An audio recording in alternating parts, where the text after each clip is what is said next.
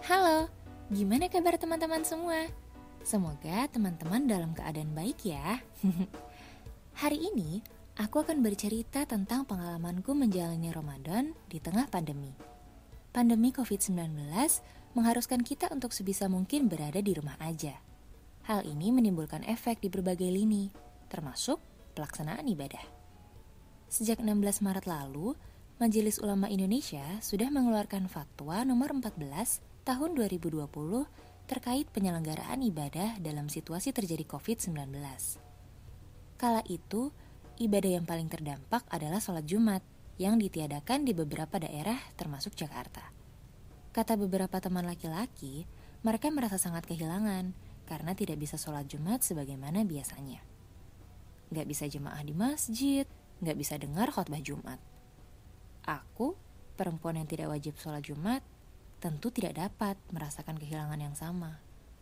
Nah, fatwa MUI tadi itu keluar sebulan sebelum masuknya Ramadan. Isinya tidak hanya mencakup sholat Jumat, tetapi juga ibadah tarawih, sholat lima waktu berjemaah di masjid, dan sholat idul fitri. Aku sempat harap-harap cemas juga menyambut datangnya Ramadan. Kayaknya suasana Ramadan tahun ini bakal kurang meriah. Seharusnya nih ya, bulan yang suci ini disambut dengan bahagia. Tetapi, situasi pandemi sempat membuatku kurang bersemangat. Harapan akan hilangnya virus COVID-19 dalam sebulan dua bulan adalah harapan yang utopis. Toh, virus ini memang baru masuk ke Indonesia. Jadi, mau tidak mau, kita harus melalui Ramadan yang sedikit berbeda. Penyesuaian ini tidak hanya terjadi di Indonesia, tetapi juga di dunia. Sebenarnya, apa sih yang berbeda pada Ramadan kali ini? Buatku, yang paling jelas kurindukan adalah sholat tarawih. Meskipun tidak selalu ke masjid untuk tarawih, PSBB yang melarang pelaksanaan tarawih cukup membuatku sedih.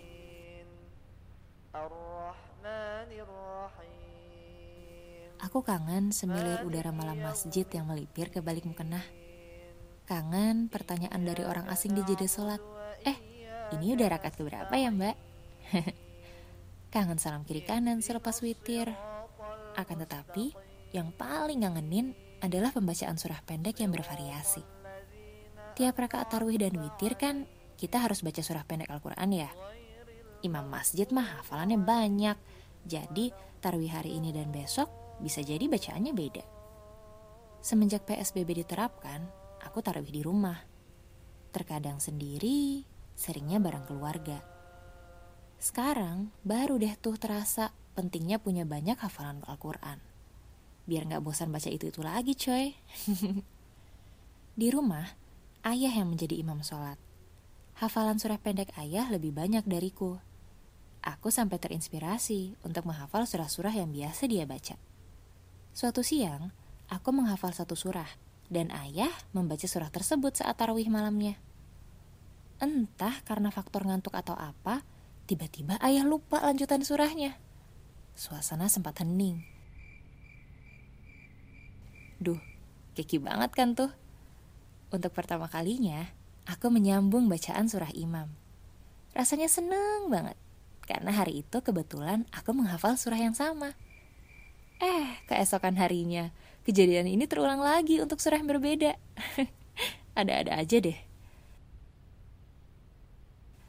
Tiap tarawih, selalu aku yang lama ditunggu untuk siap-siap. Soalnya, aku paling sering mengulang wudhu. Entah kenapa beser banget, kebanyakan minum mungkin saat buka puasa. Sampai-sampai ayah bilang, kamu tuh ya kayak nenek-nenek deh, dikit-dikit ke toilet. Padahal ketika sholat di masjid, aku gak gini loh, biasa aja. Dugaanku sih, karena kami sholat di ruang tengah, yang lokasinya tidak jauh dari kamar mandi. Bawaannya, Aku tersugesti untuk ke toilet mulu.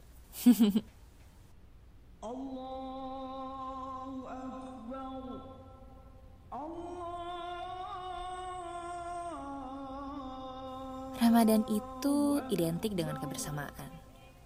Salat tarawih bareng, kajian bareng, buka puasa juga bareng.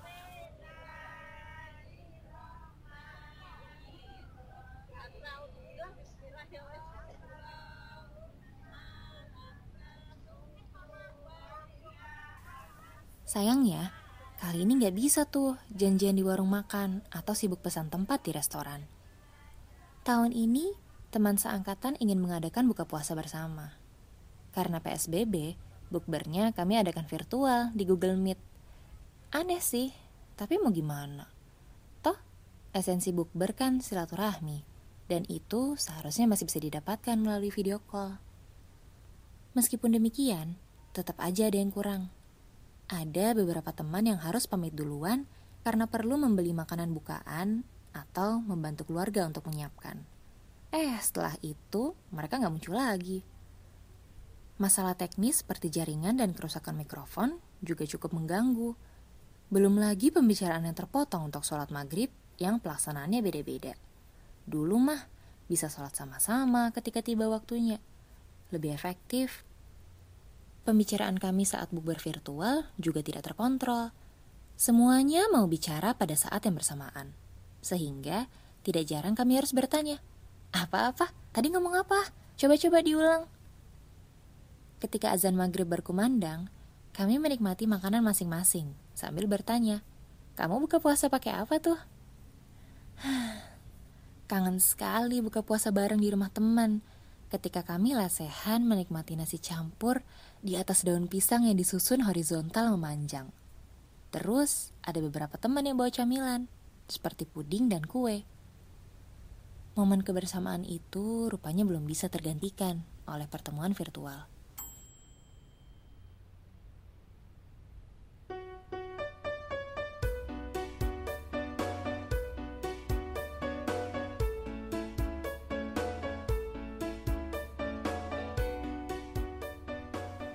Selama pandemi ini, aku tinggal bareng keluarga. Masih ada interaksi yang dekat, Apalagi suasana WFH dan SFH mendukung.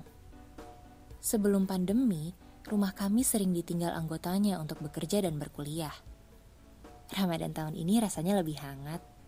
Kalau Ramadan lalu aku selalu berbuka puasa di jalan karena jauhnya perjalanan, sekarang bisa menghabiskan waktu di rumah. Masih sempat menggoreng makanan beku untuk berbuka puasa, bahkan sempat membuat kue brownies bareng ibu di siang hari.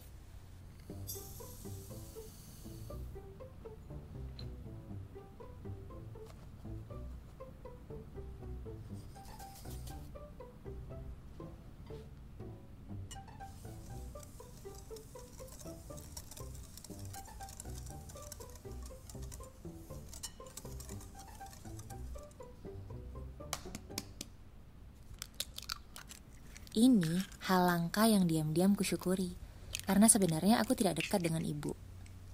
Kami berdua sama-sama perfeksionis dan keras kepala, jadi sering berselisih pendapat. Ibu sempat woro-woro soal keinginannya membuat brownies. Idenya aku sambut dengan riang, karena jarang-jarang loh dia mau ke dapur. Padahal dia jago bikin kue kering dan menghias kue tar. Herannya malah belum pernah bikin brownies.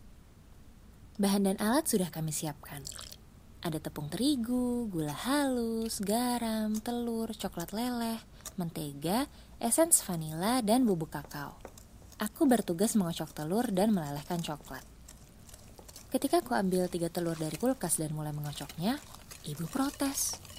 Rupanya, aku baru tahu, telurnya harus dalam suhu ruangan. Ternyata, ibu sudah menyiapkan telur di meja sejak semalam. Alhasil, telur yang sudah bercampur itu dimasukkan kulkas lagi untuk dimasak malam nanti. Aku sebenarnya tidak banyak membantu, karena mayoritas ibu yang mengambil alih. Coklat yang kulelehkan itu saja, ibu yang kemudian mencampurnya dengan mentega cair. Padahal kan, sebenarnya bisa kulakukan sendiri. ya gitu deh, kalau kamu punya ibu yang perfeksionis, apa-apa harus sesuai caranya. Coklat dan mentega cair itu kemudian ibu campurkan dengan adonan telur, gula, dan tepung.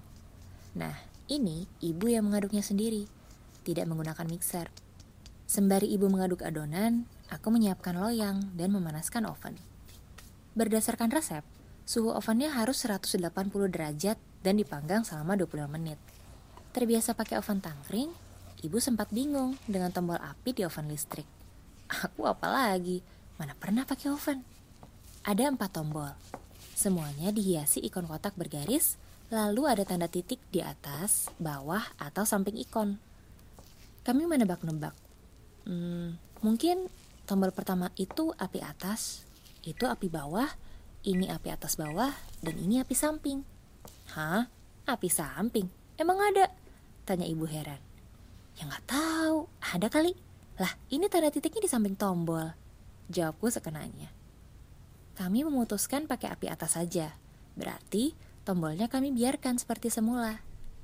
Aku mengatur waktu, lalu menyalakan oven. 20 menit berlalu, tapi belum ada tanda-tanda matang. Aku memegang bagian atas oven untuk mengecek suhu. Tapi kok nggak panas ya? Ibu menarik kesimpulan bahwa kami salah tekan tombol api. Setelah kami perhatikan baik-baik, eh ternyata tombol pertama itu tandanya belum nyala. Ya ampun. Terus dugaan api samping ternyata itu api atas bawah. Tanda titik di samping kotak mah nggak ada pengaruhnya. Penanda posisi api itu ikon kotak bergaris. Menyadari kekonyolan itu, kami berdua tertawa dan mengatur ulang ovennya. Sungguh, 25 menit pertama yang sia-sia.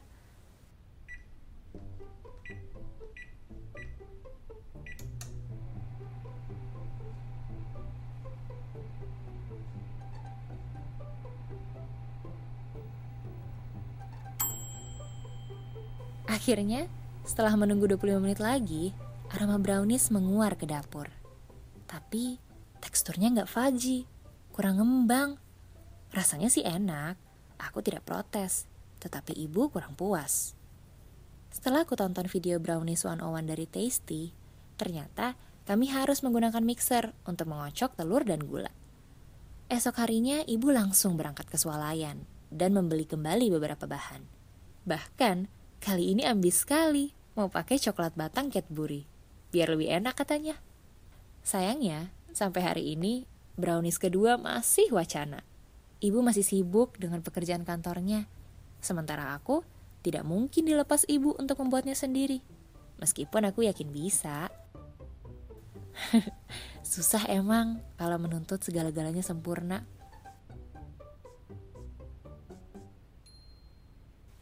Aku belum terbayang nasib teman-teman yang mengekos sendirian. Teman aku tidak bisa pulang kampung ke seberang pulau, dan mungkin terpaksa menghabiskan suasana lebaran di rantau. Apa rasanya? Itu aku juga masih bertanya.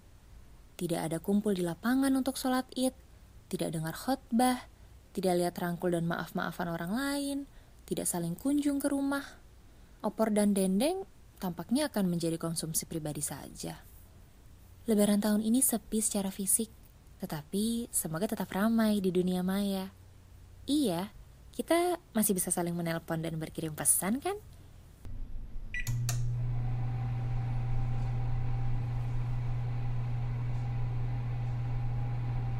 Banyak hal yang aku rindukan dari Ramadan di luar pandemi. Tetapi bukan berarti Ramadan ini dijalani dengan meratapi kehilangan itu. Kita bisa manfaatkan teknologi untuk mendengarkan kajian secara daring, menghubungi teman-teman, memanfaatkan aplikasi untuk menghafal Al-Quran, bersedekah melalui platform yang tersedia, dan yang terpenting, kembali menjalin kedekatan dengan orang-orang terdekat, yakni keluarga. Semoga semangat kita masih terjaga ya pada hari-hari menjelang akhir Ramadan tahun ini. Semangat!